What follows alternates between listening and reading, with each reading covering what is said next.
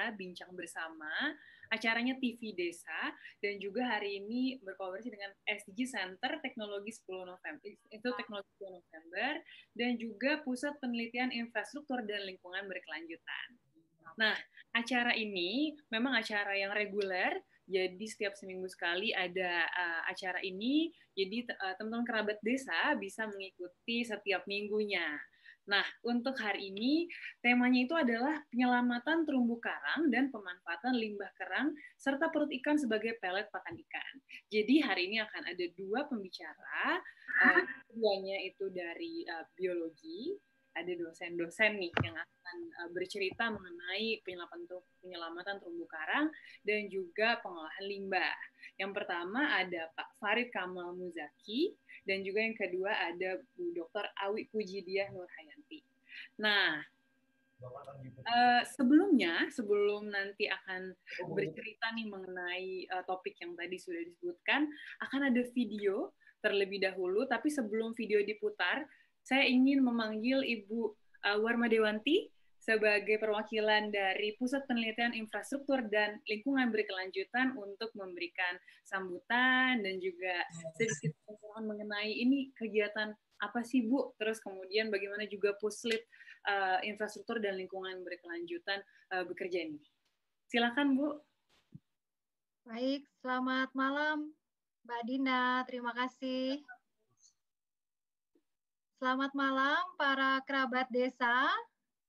Saya menyapa dari Surabaya ini ya karena eh, apa namanya di malam yang sangat berbahagia ini kita bisa bertemu ya. Kami mengucapkan terima kasih sekali kepada TV Desa dan juga kami bekerja sama dengan Pusat Kajian uh, Sustainable Development Goals dari ITS yang diketuai oleh Ibu Dr. Tuti Rumiati Bu Tuti juga hadir pada malam hari ini dan kami sendiri dari Pusat Penelitian Infrastruktur dan Lingkungan Berkelanjutan ITS. Kami sangat ingin sharing dengan kerabat desa berkaitan dengan apa yang sudah dilakukan oleh para dosen, eh, para peneliti di ITS terutama berkaitan dengan pengelolaan wilayah pesisir. Tentu kita tahu bahwa Indonesia ini sangat kaya sekali dengan sumber daya alam dan salah satunya yang paling banyak adalah wilayah pesisir. Nah, kemudian kami melihat bahwa di lokasi-lokasi pesisir ini banyak sekali sudah terjadi kerusakan-kerusakan lingkungan sehingga kita bergerak ke arah pesisir itu sudah sudah cukup lama sekali. Nanti akan disampaikan oleh Pak Kamal berkaitan dengan bagaimana penyelamatan daripada terumbu karang sehingga bisa meningkatkan biodiversitas yang ada di uh, wilayah pesisir dan juga meningkatkan sekaligus ekonomi dari para nelayan, terutama di desa pesisir. Dan juga ada Bu Awi, Bu Awi yang akan menyampaikan bagaimana pengelolaan limbah yang baik untuk wilayah pesisir ini, karena kami tahu bahwa penghasilan utamanya adalah dari sumber perikanan, begitu, sehingga pasti dari tangkapan ikan yang kemudian diolah ini akan menghasilkan limbah. Bagaimana mengolah limbah tersebut supaya memiliki nilai ekonomi?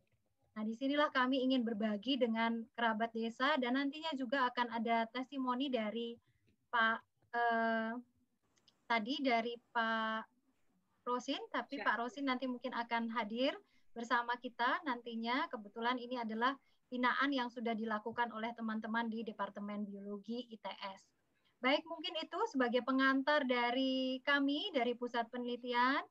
Semoga saja acara ini bisa bermanfaat bagi kerabat desa semua dan kita bisa mengambil hikmah dari acara pada malam hari ini terutama untuk mengelola wilayah pesisir. Saya persilahkan, saya kembalikan ke Mbak Dina. Terima kasih kerabat desa yang hadir pada malam hari ini. Terima kasih. Silakan Mbak Dina. Terima kasih Ibu Warma atas penjelasannya dan juga pembukaannya ya untuk ngobrol-ngobrol kita pada malam hari ini di TV Desa. Dan sekali lagi saya mau mengingatkan ini ada setiap minggu. Jadi kalau hari ini nonton bisa ajak eh, kerabat-kerabat desa lainnya dan juga ditonton terus setiap minggunya. Nah sebelum kita mulai eh, ngobrol-ngobrol dengan Pak Kamal dan juga Bu Awi, kita bisa melihat video dulu nih untuk mendapatkan gambaran bagaimana sih kondisi pesisir, bagaimana indahnya, dan kenapa harus ada kegiatan rehabilitasi. Nah, nanti kan Pak Kamal juga akan cerita tentang rehabilitasi. Silakan, boleh diputar dulu videonya.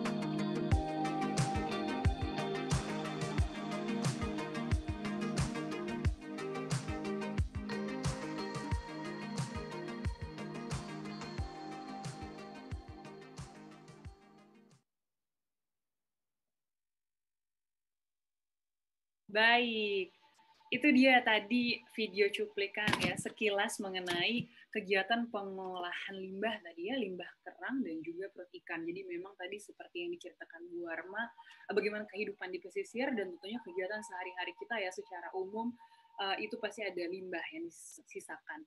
Nah oleh karena itu uh, ini saya mau bacain dulu CV dari Bu Awi. Bu Awi ini merupakan dosen di Departemen Biologi materi-materi uh, uh, yang beliau ajarkan itu termasuk uh, animal structure, animal development, cell culture, marine natural product, fish and pest disease, cell and tissue engineering, animal secondary metabolism, metabolitis, and cancer biology. Nah, beliau memang uh, in, uh, sangat tertarik dengan penelitian-penelitian uh, terkait tadi itu yang selain um, um, mata kuliah tersebut dan juga termasuk ya animal structure and reproduction, terus marine resources for health, uh, bioscience and anti-cancer drugs discovery, kemudian molecular docking and anti-cancer drug discovery, aquaculture feed pellets, jelas, kemudian ada juga herbal technology process. Nah, memang beliau sudah uh, berkiprah di dunia pendidikan biologi sejak lama nih, jadi beliau sudah S1 biologi, kemudian master juga biologi dan juga uh, setelah melewati uh, doktor di tahun 2015 di UGM. Nah, tidak perlu berlama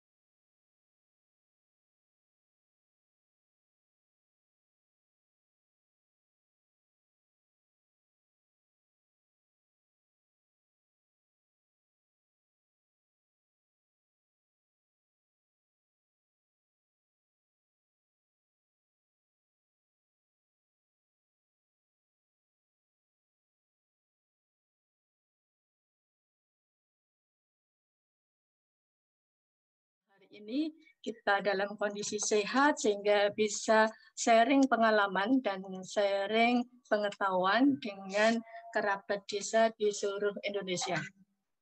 Uh, di sini kami akan menjelaskan untuk beberapa kegiatan yang telah kami lakukan di dalam pengelolaan limbah di lingkungan pesisir. Uh, Bu Warma bisa di-share untuk PPT-nya? Bu Warma? Oke.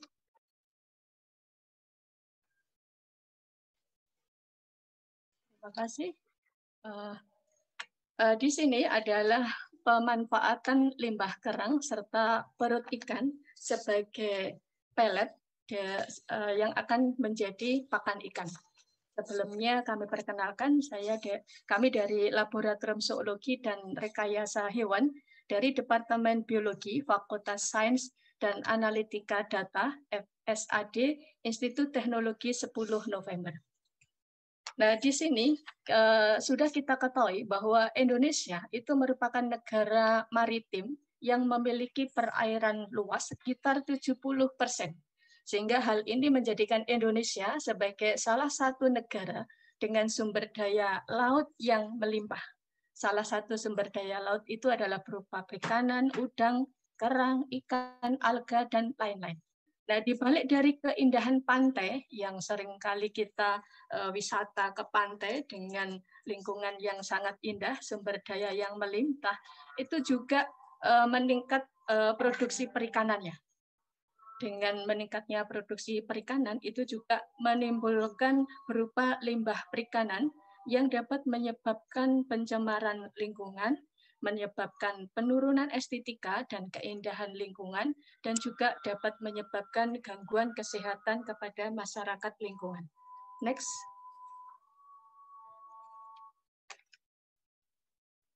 Next.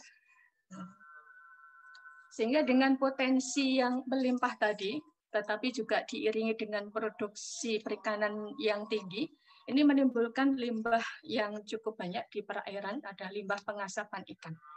Di sisi lain, di lingkungan perairan, selain limbah pengasapan ikan, itu adalah eh, cangkang kerang yang mengandung kalsium yang sangat tinggi, yang mempunyai potensi dapat sebagai bahan dari eh, pakan di sini cangkang kerang itu mengandung kalsium sekitar 30 sampai 40 persen fosfor 1 persen, dan protein 3 persen.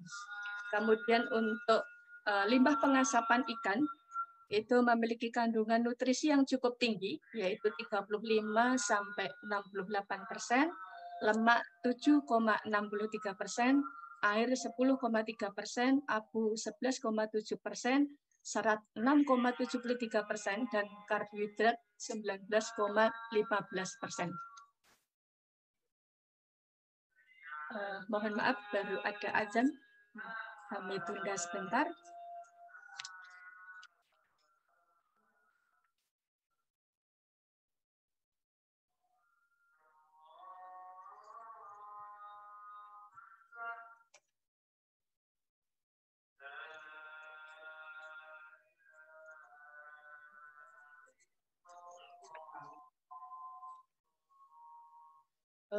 Oke, kami lanjutkan. Uh, berdasarkan kandungan nutrisi yang cukup tinggi dari limbah pengasapan ikan dan juga dari cangkang kerang yang ada di pesisir, itu bisa kita manfaatkan sebagai uh, pakan untuk ikan. Next.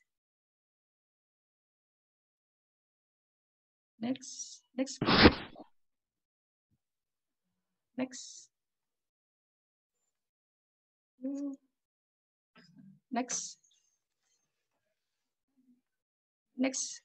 Next, Bu Warma.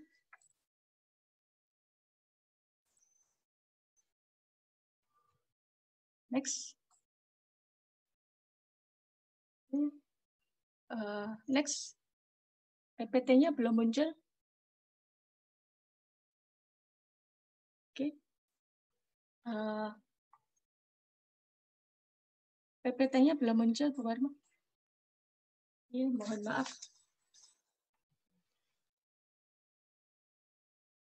Uh, slideshow. Nah, di sini pakan ikan itu uh, dibagi menjadi dua. Yang pertama pakan alami dan pakan buatan. Pakan alami itu adalah pakan yang diperoleh secara langsung dari lingkungan hidupnya, dapat berupa fitoplankton maupun zooplankton.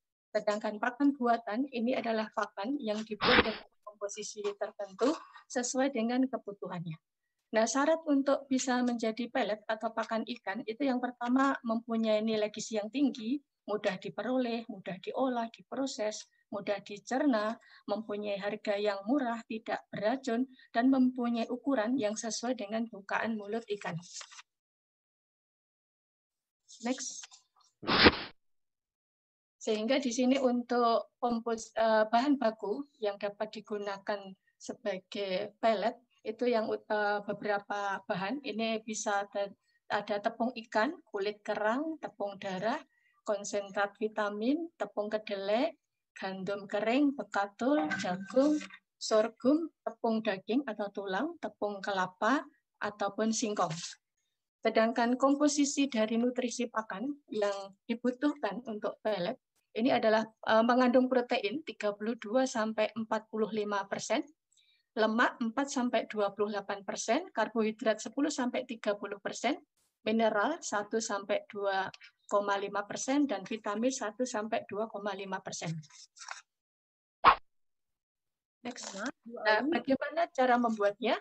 Ini uh, secara singkat ada persiapan alat, persiapan bahan, kemudian uh, mulai diproses di dalam persiapan bahan ini ada limbah ikan, ada keong, ada dedak, ada tapioka, ada vitamin yang bisa dimodifikasi dari bahan tersebut. Artinya apa yang ada di lingkungan itu yang dimanfaatkan sebagai bahan untuk pembuatan pellet. Next. Sehingga di sini ada yang di yang dimodifikasi itu dari bahannya maupun dari tahap pencetakannya. Jadi bahan yang pertama dikeringkan, kemudian dihaluskan, kemudian menjadi tepung, dicampur, sehingga nanti menjadi adonan yang selanjutnya bisa dicetak. Next.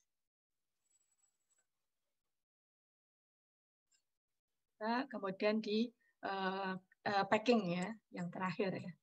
Setelah menjadi pellet. Next. Ini bahan-bahan yang dibutuhkan. kemudian tahapannya. Jadi sangat sederhana.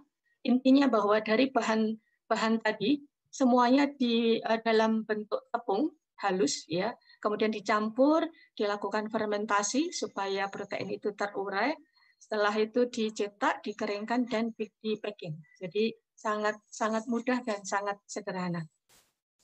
Next.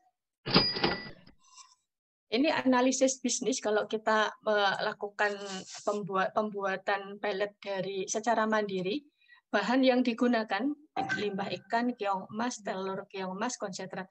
Nah, limbah-limbah ini dari bahan tadi, limbah ikan, keong maupun telur, itu bisa kita modifikasi. Artinya apa yang tersedia di lingkungan itu yang digunakan. Sehingga kalau misalkan tidak ada keong, itu bisa menggunakan dari limbah ikan sebagai sumber protein. Kemudian juga ada deda, ada tepung, tapioka, vitamin, ragi. Sehingga kalau kita uh, kita analisis secara bisnis, itu total biaya yang dibutuhkan hanya sekitar Rp2.000. Sehingga di sini kalau dibandingkan dengan harga pelet yang komersil, itu sangat jauh isinya, bisa sampai 60% eh, dari biaya pembuatan pakan dibandingkan dengan pakan dari eh, dari komersil. Ini beberapa kegiatan yang telah kami lakukan mulai 2015 sampai 2020. 2015 ini di Kampung Kejawen Lor kita melakukan pengolahan limbah dari uh, dari pengasapan ikan yang kemudian dibuat menjadi pelet. Next. Dan juga uh, eh, 2016 ini kita lakukan di Trunojoyo di daerah Wonorejo kita menggunakan bahan baku bukan dari limbah pengasapan ikan, tetapi dari bahan tangkapan ikan, tangkapan uh, tangkapan perikanan yang tidak layak dijual, yang mungkin ukurannya kecil atau mungkin uh, rusak sehingga tidak laku dijual, itu bisa digunakan sebagai bahan baku untuk pembuatan pelet. Next. Next. Menit lagi ya, Bu. Ya.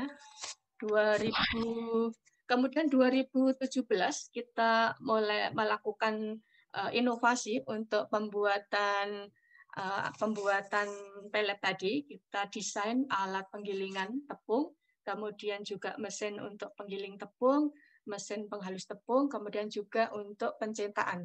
Ini kita lakukan pada tahun 2017 untuk mendesain alat pencetak uh, pelet tadi uh, alat ini ini kita kita kita gunakan di laboratorium zoologi dan rekayasa hewan yang digunakan oleh mahasiswa untuk tugas akhir. Next. Kemudian pada tahun 2017 itu kita juga membuat inovasi untuk membuat produk tadi, produk pellet dengan merek Sifos yang kita uh, lakukan uh, kita pameran di dalam inovasi pellet di Joint Working Group 2017 kerjasama antara Indonesia dan Jepang yang dilakukan Kemenristek TV dengan IPS. Next. Kemudian tahun 2018 itu kita juga uh, eksplorasi di daerah Trenggalek di perairan uh, di Pantai Perigi itu banyak limbah berupa ikan-ikan curah, ikan-ikan kecil yang tidak di, uh, tidak laku untuk dijual dan juga uh, beberapa bagian itu sudah rusak sehingga di sini dari ikan yang tidak laku dijual itu diolah menjadi uh, menjadi tepung ikan yang kemudian juga digunakan sebagai untuk menjadi pelet ya. Kalau di 2018 ini masyarakat di Prigi itu sudah mengolah mengolah limbah tangkapan ikan ini menjadi tepung ikan yang kemudian dijual kepada peternak. Jadi eh, dari tepung ikan saja sudah laku, sudah bisa dijual karena bisa digunakan untuk pakan ternak ataupun unggas. Next.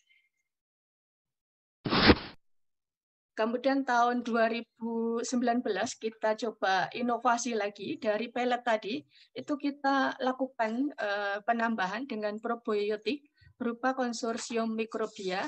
Ada beberapa konsorsium mikrobia yang kita gunakan, yang di, uh, yang di sini kita proses pengolahannya uh, hampir sama dengan yang tahap perta yang tahun-tahun sebelumnya, hanya berbeda di penambahan probiotiknya. dari penambahan probiotik ini, ini ternyata lebih efisien, jadi sekitar 10 sampai 30 persen dari pakan itu benar-benar dicerna oleh ikan. Next. Diuji, kita juga lakukan uji. Kemudian di tahun 2020 ini kita coba untuk melakukan pengabdian masyarakat dengan memanfaatkan limbah kulit kerang dan limbah sisa pengolahan ikan di Kecamatan Bulak di Kota Surabaya. Next, jadi uh, intinya kesimpulannya bahwa untuk membuat pelet dari limbah limbah pengasapan ikan ataupun limbah dari yang lainnya itu sangat mudah dan sederhana dapat digunakan dengan alat-alat yang ada di di lingkungan secara domestik tidak mengguna, tidak perlu menggunakan alat-alat yang mempunyai teknologi yang tinggi. Sehingga dengan dengan teknologi yang sederhana ini tetapi mempunyai nilai nilai uh, ekonomi dan nilai gizi yang yang cukup tinggi ini harapannya bisa dipraktekkan oleh warga uh, oleh eh, rekan-rekan rekan-rekan rekan kerabat desa di seluruh Indonesia yang bisa mengolah uh, limbah yang ada di sekitarnya itu menjadi sesuatu produk yang mempunyai nilai ekonomis dan nilai nilai negosiasi yang lebih tinggi. Next. Sehingga sekian dari uh, sharing kami, pengalaman kami mencoba untuk mengolah limbah yang ada di sekitar kita menjadi suatu produk yang mempunyai nilai ekonomi sehingga kita dari rekan desa di Indonesia itu bisa mandiri dalam budidaya ikan. Nah, terima kasih. Demikian pemaparan kami, sharing kami. Selanjutnya nanti kita lanjutkan dengan diskusi. Terima kasih Mbak Dina. Ya. Terima kasih Bu Awi. Iya, jadi itu bisa menjadi salah satu ide ya Bu Awi ya supaya iya, bisa betul. Iya. memanfaatkan limbah ya. Iya, jadi uh, tergantung daerahnya ya. Kalau misalkan daerah pertanian mungkin bukan ikan limbahnya ya Mbak Dina. Limbahnya bisa mungkin bekecot ke atau keong atau mungkin uh, maggot, lalat atau serangga. Iya, jadi bisa di bisa dimodifikasi. Ya. Jadi itu tadi salah satu contoh untuk di daerah pesisir ya, Bu. Iya, betul. Jadi iya. Nah, kerabat desa nih di desa masing-masing atau di lokasi yeah. teman kerabat desa itu bisa disesuaikan gitu ya ada lima yeah. nah, di situ. Nah, eh, nanti kita akan bisa diskusi lebih lanjut ya Bu Ali ya. Iya, iya. Sesi tanya jawab. Oleh karena itu yeah. terima kasih sekali lagi pemaparannya pasti udah teman-teman yang mau uh, kerabat desa ya yang mau nanya juga bisa uh, mungkin tulis di komen YouTube ya karena kita live juga di YouTube jadi silakan juga taruh di situ nanti panitia bisa menyampaikan ataupun langsung yang ada di Zoom bisa menyampaikan juga pertanyaannya. Nah selanjutnya kita masuk ke materi berikutnya jadi untuk materi ini memang kita nggak nggak akan terlalu berlama-lama, jadi setiap pembicara hanya waktunya 10 menit, tapi nanti akan ada sesi tanya jawab yang bisa lebih digali lagi nih tentang uh, untuk yang sekarang. Itu mengenai uh, konservasi terumbu terumbu karang, konservasi dan rehabilitasi. Nah sebelumnya saya mau ceritain dulu nih Pak Farid Kamal Muzaki, beliau juga salah satu dosen di Departemen Biologi ITS. Kemudian uh, jelas untuk edukasinya beliau punya pendidikan di uh, biologi untuk uh, sarjana S1 maupun di master. Kemudian uh, beliau mengajar Departemen Biologi termasuk mengenai ini ada coral reef biology, biodiversity ya, jadi keanekaragaman hayati, kemudian plankton ekologi, kemudian ada ini pengenalan mengenai uh, environmental impact assessment dan juga marine biology dan juga general biology. Jadi memang kekhususannya juga lebih ke ini ya ke uh, biodiversity yang sifatnya di kelautan gitu ya dan memang uh, uh, untuk penelitian beliau ini sangat tertarik dengan coral reef ecology and yang mana sama nih akan yang habis ini akan diceritain dan juga biodiversity and ecological roles at coastal ecosystem. Jadi memang nanti kaitannya ke daerah pesisir juga dan uh, Pak Kamal ini juga termasuk di uh, beberapa ini nih asosiasi. Jadi masyarakat biodiversitas Indonesia, Indonesian Mangrove Society, uh, kemudian ITS Research Center for Sustainable Environment Infrastructure sama. Jadi beliau juga member di Puslit uh, infrastruktur dan pembangunan berkelanjutan dan juga masyarakat taksonomi kelautan Indonesia. Jadi memang kekhususannya juga di biologi kelautan. Nah, Tanpa menunggu lagi, saya ingin memanggil Pak Farid Kamal Muzaki. Silakan Pak untuk memaparkan materinya. Uh, Oke, okay. uh, terima kasih uh, Mbak Dina untuk perkenalannya tadi ya. Oke, saya juga mengucapkan selamat malam juga untuk semua kerabat desa, juga untuk semua Bapak Ibu yang hadir di forum Zoom meeting ini. Tadi sudah ada intro sedikit dari Mbak Dina mengenai uh, konservasi dan rehabilitasi terumbu karang. Jadi mungkin nanti kita lebih banyak sharing saja ya, karena waktunya juga memang cukup terbatas. Uh, saya juga mau berterima kasih ini untuk pusat uh, studi Sustainable Development Goals, juga ke TV Desa dan Pusliti LB ITS karena sudah difasilitasi untuk sharing apa yang sudah kami lakukan terkait dengan uh, konservasi dan rehabilitasi terumbu karang. Anyway, uh, saya mohon izin untuk share screen dari materi yang akan coba dipaparkan.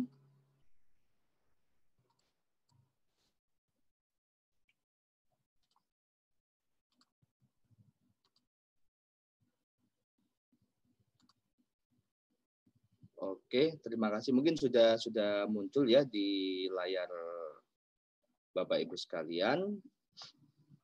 Uh, tadi sudah disebutkan bahwa topiknya adalah tentang konservasi dan rehabilitasi.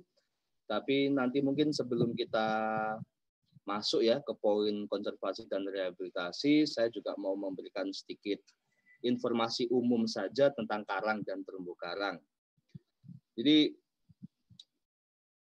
masih sangat banyak mungkin di antara kita yang bahkan menyangka bahwa karang itu adalah benda tak hidup atau karena bentuknya seperti pohon jadi kelihatan dianggap sebagai tanaman gitu kan.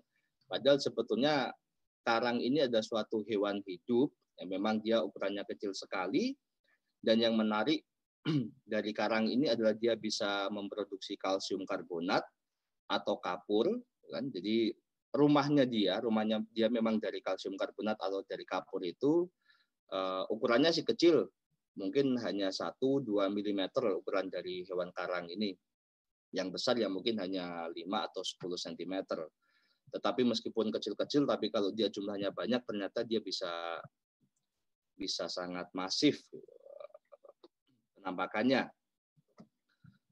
Nah, kemudian eh, ini terumbu karang di seluruh dunia dan alhamdulillah ya Indonesia negara kepulauan dengan jumlah pulau terbanyak di dunia.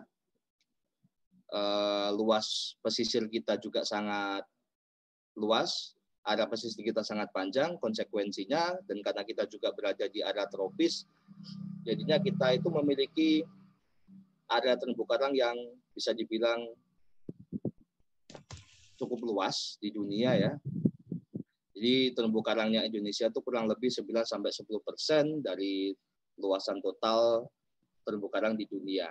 Dan kalau misalnya benefit atau keuntungan secara ekonomis itu kita hitung dari beberapa studi terdahulu itu disebutkan bahwa per satu hektar terumbu karang yang sehat karena tidak semua terumbu karang di Indonesia itu sehat ya ada yang kurang sehat juga banyak jadi per hektar dalam satu tahun itu kurang lebih dia bisa memberikan nilai manfaat ekonomis antara 76 sampai 163 juta. Ini dari evaluasi di Taman Nasional Wakatobi. Berikutnya eh, ini terumbu karang di Indonesia. Anda bisa lihat ada yang di petanya ada yang warnanya biru, ada yang warnanya hijau, kuning atau merah itu menunjukkan kondisinya saat ini. Ini data tahun 2019. Jadi yang sangat bagus, terumbu karang sangat bagus itu berarti terumbu karangnya terumbu karang hidupnya itu lebih dari 75 persen. Di Indonesia itu cuma 6,42 persen. Yang paling banyak itu yang warna kuning dan warna merah. Kuning eh, kondisinya sedang, yang kondisinya sedang ini adalah 37,38 persen, sementara yang kondisinya buruk atau rusak di Indonesia 33,82 persen. Dan kalau misalnya Bapak, Ibu, dan kerabat desa yang lain bisa lihat di map, bahwa sebagian besar yang kondisinya rusak itu berada di wilayah Indonesia yang barat. Sumatera, Jawa, Kalimantan, sekalipun juga ada yang di Indonesia Tengah ya, di Kepulauan Sunda Kecil dan rata-rata disebabkan oleh faktor uh, antropogenis atau faktor manusia seperti pembangunan kawasan pesisir, polusi, penangkapan ikan dengan bom, dengan potas dan lain-lain. Kalau yang faktor alami biasanya terkait dengan pemanasan global. Oke, eh, sebetulnya apa sih benefit utama dari terumbu karang ya? Eh, paling mudahnya terumbu karang itu menyediakan sumber makanan. Jadi di seluruh dunia itu tidak kurang dari 500 juta manusia yang hidup di area pesisir, gitu kan, dan dia mendapatkan pendapatan utama itu dari hasil tangkapan di sekitar terumbu karang, baik itu ikan, udang, lobster atau gimana atau ya, atau semuanya. Jadi asumsinya kalau misalnya terumbu karang itu makin lama makin rusak, ya berarti kesempatan kita untuk menikmati kepiting atau rajungan atau lobster atau ikan yang enak-enak ya otomatis akan lebih berkurang. Secara seperti kerapu, kakap, lobster itu hidupnya juga di sekitar daerah terumbu karang. Jadi kalau rumahnya rusak, ya otomatis penghuninya, ikannya, lobsternya, kepitingnya juga akan kabur, akan hilang yang sedang tren juga mungkin dari manfaat adanya terumbu karang itu adalah uh, sebagai penghasil bahan obat. Kan? Istilahnya kalau di uh, di sains mungkin disebut sebagai bioaktif ya. Jadi sudah banyak studi terkait bioaktif yang bisa kita dapatkan dari terumbu karang. Anti kanker, anti demam, anti inflamasi itu Eh, banyak sekarang yang didapat dari terumbu karang, terutama dari seperti spons laut. Saya mungkin skip saja untuk bagian ini. Nah, salah satu ancaman yang mungkin tidak kita sadari ya terhadap kelestarian terumbu karang itu termasuk di antaranya adalah ini akuarium air laut sering kali karang untuk akuarium air laut atau ikan-ikannya itu tidak bukan merupakan hasil budidaya, tapi tangkapan langsung dari alam. Dan pada banyak kasus untuk penangkapan ini kan dia menggunakan cara-cara yang tidak ramah lingkungan, seperti misalnya dia pakai eh, racun potas atau sianida. Ini ikannya pada mabuk, kan tapi biasanya karangnya lalu mati gitu. orang aja kalau kena cyanida juga mati apalagi karang yang kecil-kecil gitu. Kan. terus mungkin yang lagi ngetren wisata pantai gitu kan juga berpotensi untuk merusak karang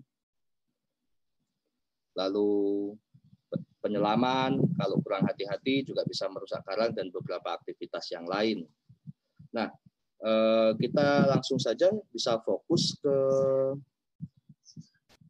contoh dari konservasi dan rehabilitasi terumbu karang ini yang sempat kita lakukan di pesisir Desa Labuhan di Kecamatan 10, Kabupaten Bangkalan.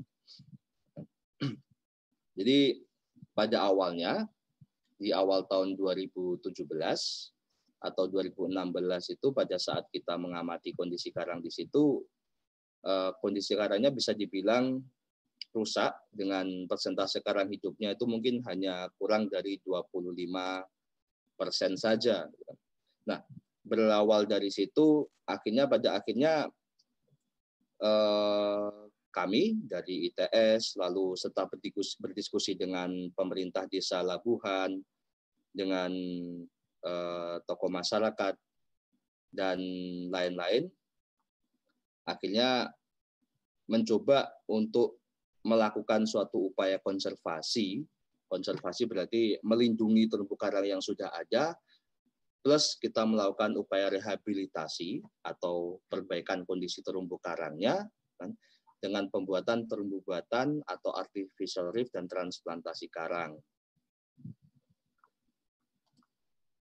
Aktivitas-aktivitas yang eh, dilakukan tentu saja meliputi pembuatan terumbu karang, lalu kita juga ada sosialisasi dan workshop kepada masyarakat sekitar. Jadi memang pekerjaannya ini bisa dibilang pekerjaan keroyokan.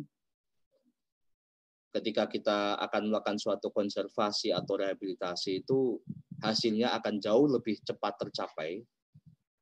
Itu bila banyak pihak yang saling dilibatkan.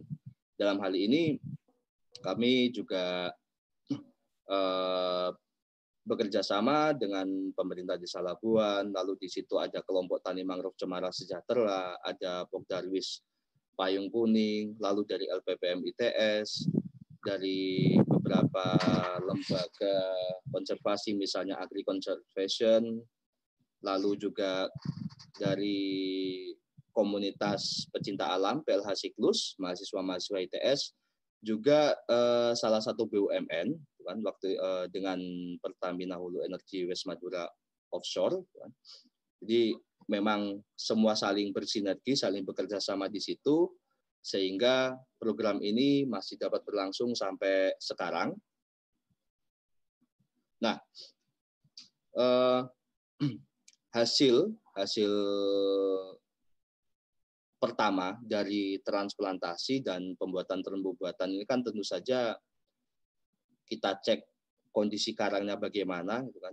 Jadi meskipun di pesisir desa Labuhan ini perairannya relatif agak keruh ya dan eh, ombaknya ombaknya cukup cukup kuat, arus juga cukup kuat. Tapi kami bersyukur bahwa kerja keras dari rekan-rekan yang berpartisipasi dalam program konservasi dan rehabilitasi ini mulai membuahkan hasil. Ini foto eh, kondisi karang yang ditanam, yang di gambar atas ini dua bulan setelah ditanam.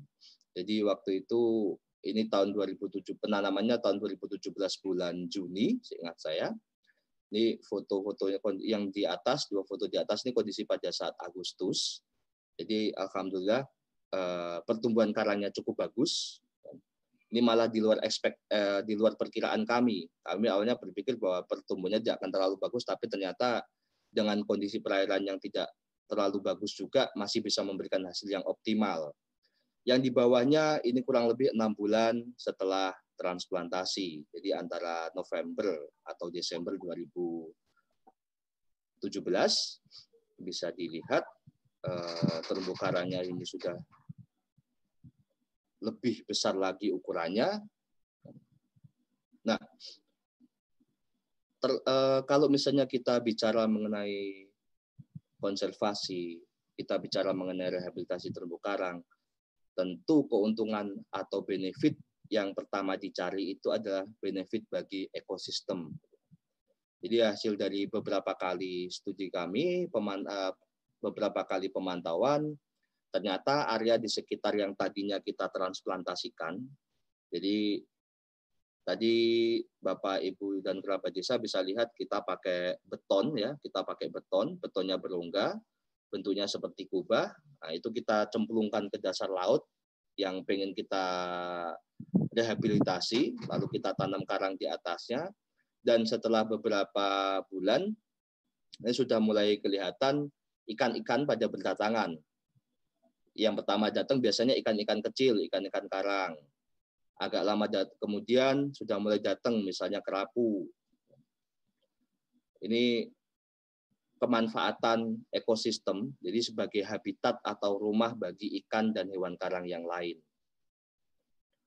Lalu di beton yang kami masukkan, terumbu buatan yang kami masukkan ke laut itu juga sudah mulai ada karang-karang baru yang tumbuh jadi anakan-anakan karang baru yang tumbuh itu sudah mulai muncul itu antara 4 sampai 5 bulan setelah kami transplantasikan. Lalu eh, hasil lainnya karena di situ sudah ditetapkan sebagai suatu area konservasi, Jadinya kan aktivitas masyarakat ini agak dibatasi uh, dan hasil akhirnya yang cukup mengembirakan itu adalah keberlangsungan terumbu karang. Jadi sejauh ini kami belum mendeteksi adanya kerusakan karang yang lebih lanjut di, di perairan pesisir di Salabuan 10 ini. Jadi karangnya relatif masih survive seperti itu. Kemudian eh, benefit dari masyarakat Sebagian dari masyarakat di pesisir Labuan itu ada yang mencari ikan, baik untuk dikonsumsi sendiri ataupun untuk di, dijual ya. Dan dari uh, informasi dari para penangkap ikan itu, alhamdulillah akhir-akhir ini hasil tangkapannya mulai bervariasi. Ini contoh-contoh saja di sini Eh, kemudian juga bahwa area studi yang kemudian ditetapkan menjadi area konservasi sekarang juga sudah dibuka untuk wisata. Ini juga melibatkan kerjasama dari banyak pihak, seperti yang tadi sudah saya sebutkan. Dan ini secara langsung juga memberikan manfaat ekonomi bagi bagi warga masyarakat sekitar. Eh, kurang lebih seperti itu yang bisa kami share.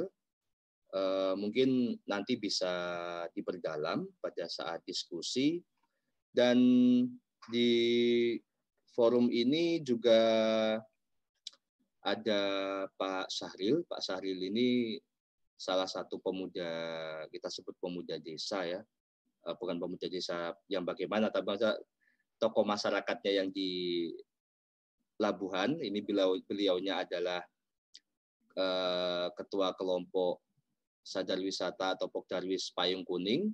Jadi mungkin nanti beliaunya juga bisa memberikan sedikit testimoni atau overview atau gambaran jadi apa yang benefit terutama mengenai benefit yang sudah diperoleh oleh masyarakat. Uh, mungkin itu dulu Mbak Dina. Terima kasih untuk kesempatannya Mbak Dina. Baik, terima kasih Pak Kamal atas paparannya. Jadi tadi Pak Kamal sempat cerita ada Pak Syahril nih di tengah-tengah kita ya, salah satu tokoh masyarakat di Desa Labuhan. Jadi nanti uh, Pak Syahril akan cerita sedikit mengenai apa sih yang dirasakan gitu ya setelah melakukan rehabilitasi terumbu karang atau ekosistem di uh, pesisir tersebut. Nah, tapi sebelum kita um, mendengarkan nih testimoni dari Pak Syahril, mau diputarkan dulu video supaya kerabat desa bisa membandingkan mana sih yang uh, terumbu karang yang sehat dan juga terumbu karang yang perlu direhabilitasi. Baik, silakan teman-teman panitia untuk memutar videonya.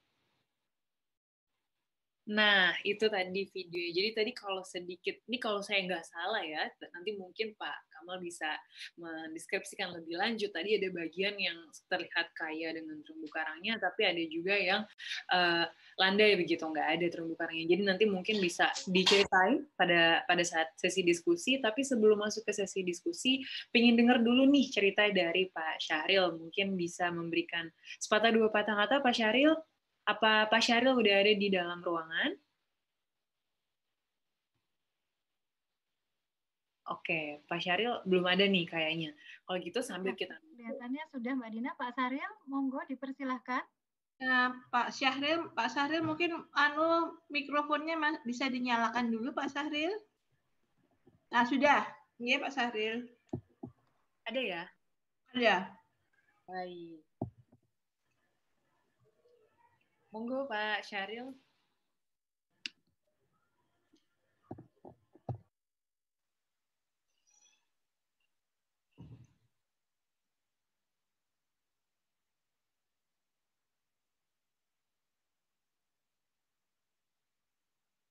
Sepertinya uh, Syahril?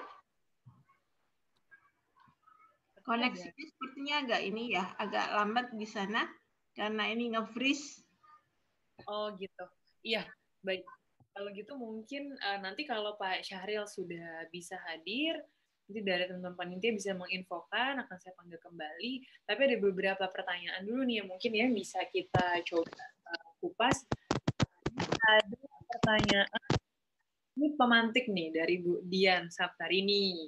Uh, bagaimana kalau di pesisir kita tidak ada lagi terumbu karang? Jadi sebenarnya itu pertanyaan ya, maksudnya untuk kita semua. Gimana kita, apa yang perlu kita lakukan supaya terumbu karang kembali ada. Jadi ikan-ikan datang lagi. Karena tadi kaitannya ya Pak ya, uh, untuk penghidupan dari masyarakat di desa setempat gitu ya, di desa pesisir tersebut. Mungkin Pak Syahril mau memberikan tanggapan dulu. Silakan Pak Kamal? Oke, okay, uh, eh, terima kasih uh, Mbak Dina dan Ibu Dian.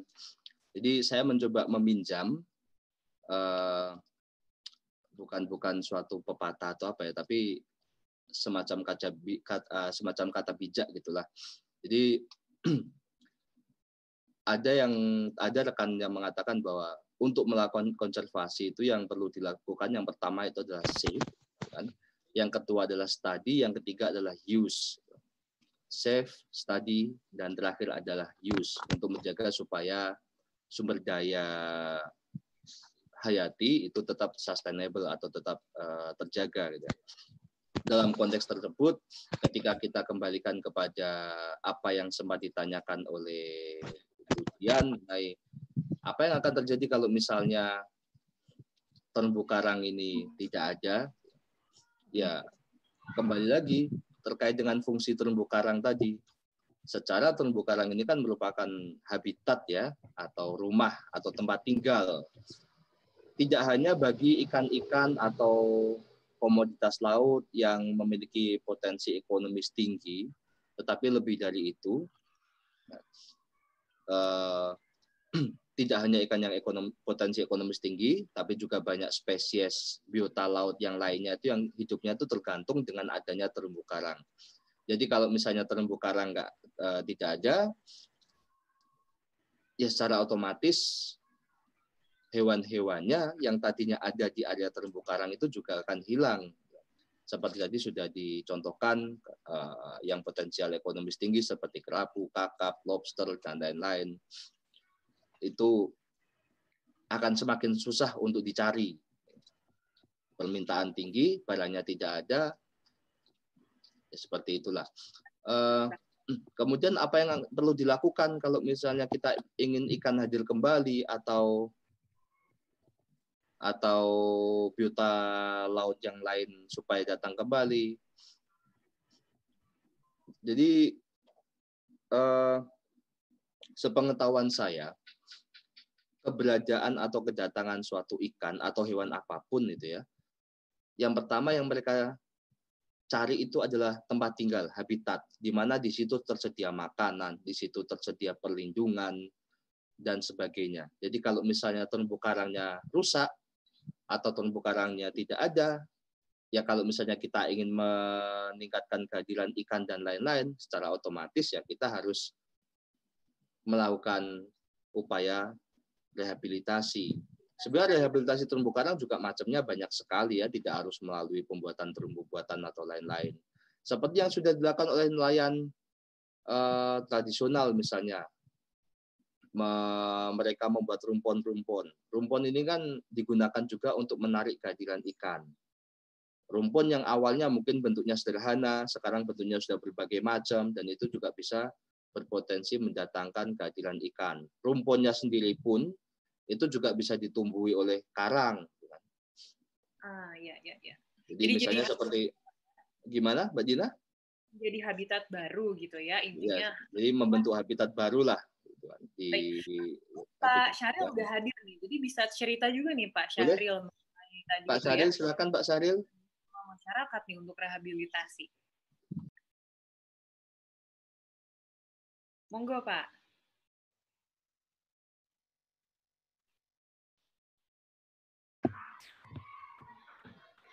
Selamat malam Pak Sahril.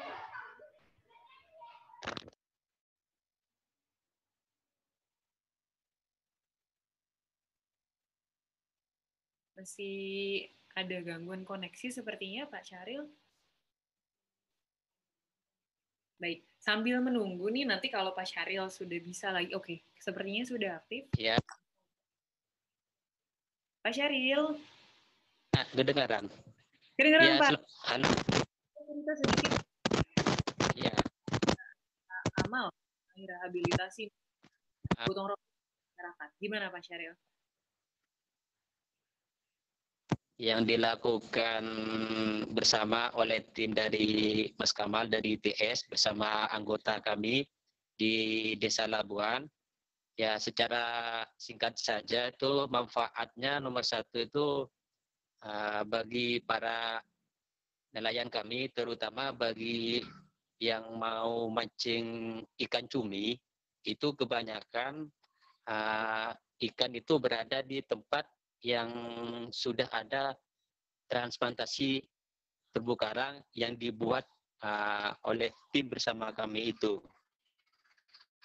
Jadi di titik uh, transplantasi terumbu karang tadi itu uh, tempatnya ikan-ikan. Uh, uh, jadi terutama uh, ikan cumi itu kalau musim uh, terang bulan atau kondisi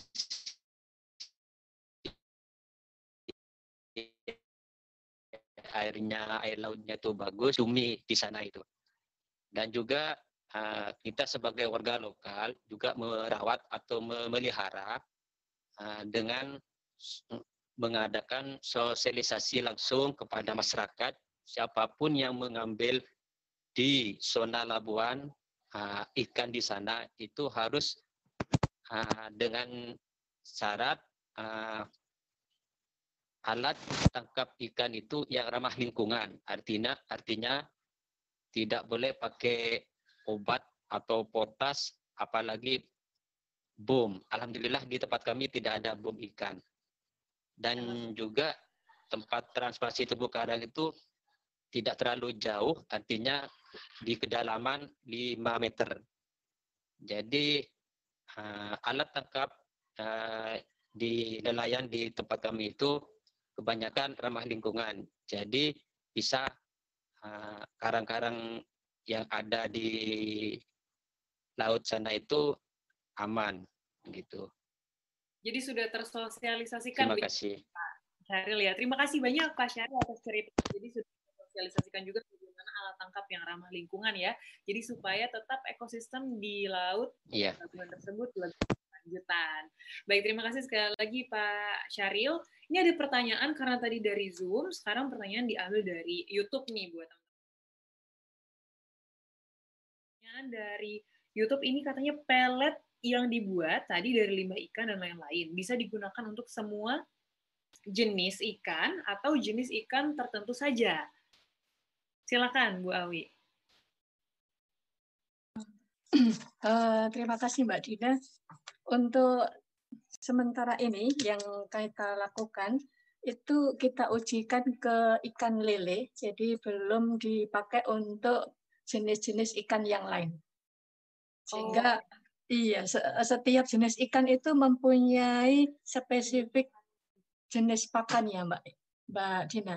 Sehingga kalau misalkan ikan lila dengan ikan gurami ataupun ikan lele itu berbeda. Oke, berarti komposisi yang tadi Iya. Iya. Itu masih masih masih awal, artinya kita melakukan uji itu hanya untuk ikan lele, belum diuji untuk yang lain. Iya. Sehingga kalau misalkan mau dipakai untuk ikan yang lain itu perlu perlu dilakukan uji lebih lanjut karena setiap ikan itu mempunyai uh, daya apa ya selera yang berbeda-beda artinya. Jadi ada seperti atraktan gitu ya. Jadi setiap setiap ikan itu bisa berbeda-beda jenis pakannya. Ya. Baik, jadi berarti ini ya Bu ya, maksudnya uh, kayak tadi sempat diceritain di slide-nya juga ada uh, penyerapan makanan uh, sekian persen gitu ya untuk jenis iya, ikan. Iya, ya. jenis ikan tertentu. Iya. Ya, jadi belum belum semua jenis ikan. Iya. Terima kasih penjelasannya. Jadi untuk yang bertanya iya. di iya. ini untuk sejauh ini masih diujikannya di ikan lele yang masih cocok di ikan lele ya Bu ya. Iya, iya ada pertanyaan berikut ini langsung ke Bu Awi juga ya Bu ya. Tadi pertanyaan ini dari Mbak Sheni Helmiati.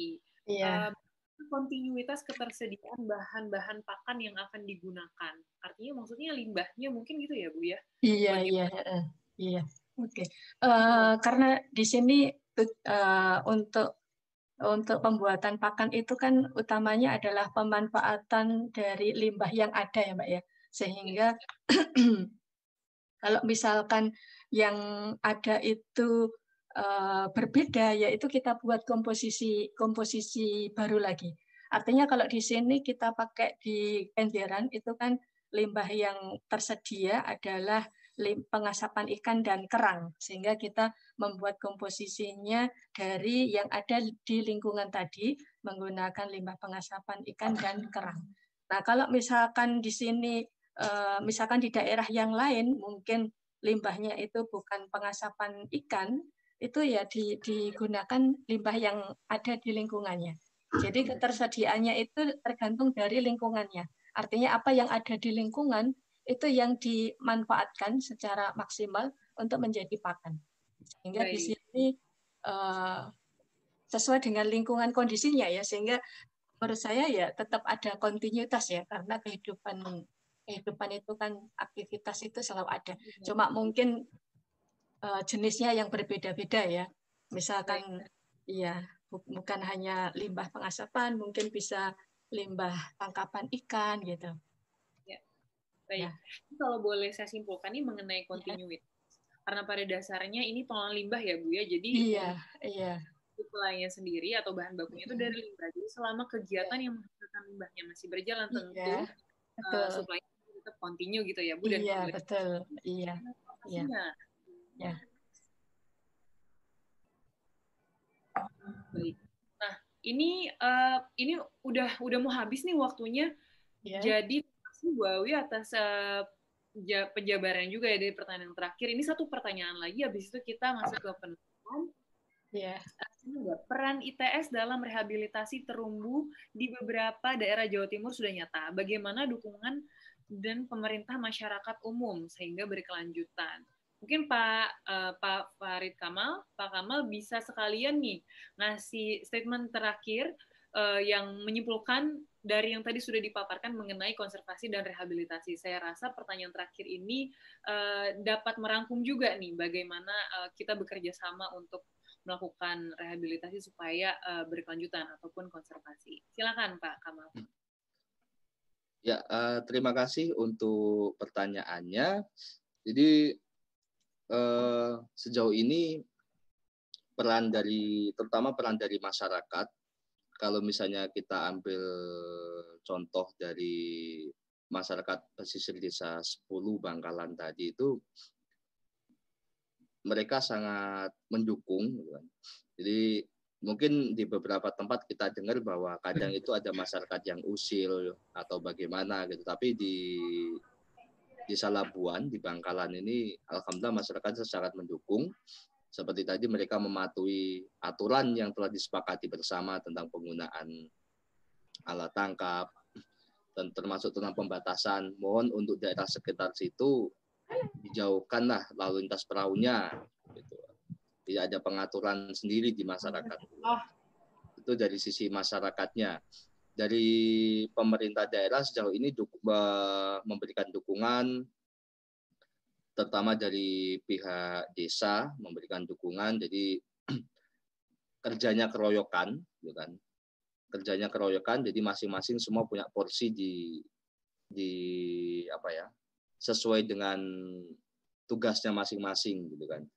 Mungkin dari ITS sebagai tim akademisnya masyarakat sebagai pelaksana lalu pihak pemerintah itu sebagai pendorong kemudian BUMN dan organisasi konservasi yang lainnya itu juga turut mendukung di situ. Baik. Jadi pada intinya kerjasama satu sama lain di setiap uh, pemangku kepentingan ya, mulai dari bisa pemerintah, masyarakat maupun akademisi termasuk perusahaan tadi ya sempat disebutkan juga ada perusahaan yang melakukan uh, konservasi dan rehabilitasi. Baik, terima kasih Pak Kamal dan Bu Awi bisa Bu uh, untuk statement terakhir sebelum kita tutup nih kesimpulan dari pembicaraan kita pada malam hari ini. Oke, uh, terima kasih Mbak uh, Mbak Dina. Yang terakhir bahwa kita bisa untuk mandiri di dalam budidaya dan mandiri di dalam ekonomi sehingga kita pasti bisa dan uh, berhasil ya dengan mandiri di dalam budidaya. Demikian Mbak Dina. Baik. Seperti itu kerabat desa sekalian, jadi kita bisa mandiri ya dan berdaya dalam berbudidaya. Jadi jangan terus ya, ikutin nih uh, acara bincang-bincang ini di TV Desa setiap pekannya seminggu sekali tentu saja.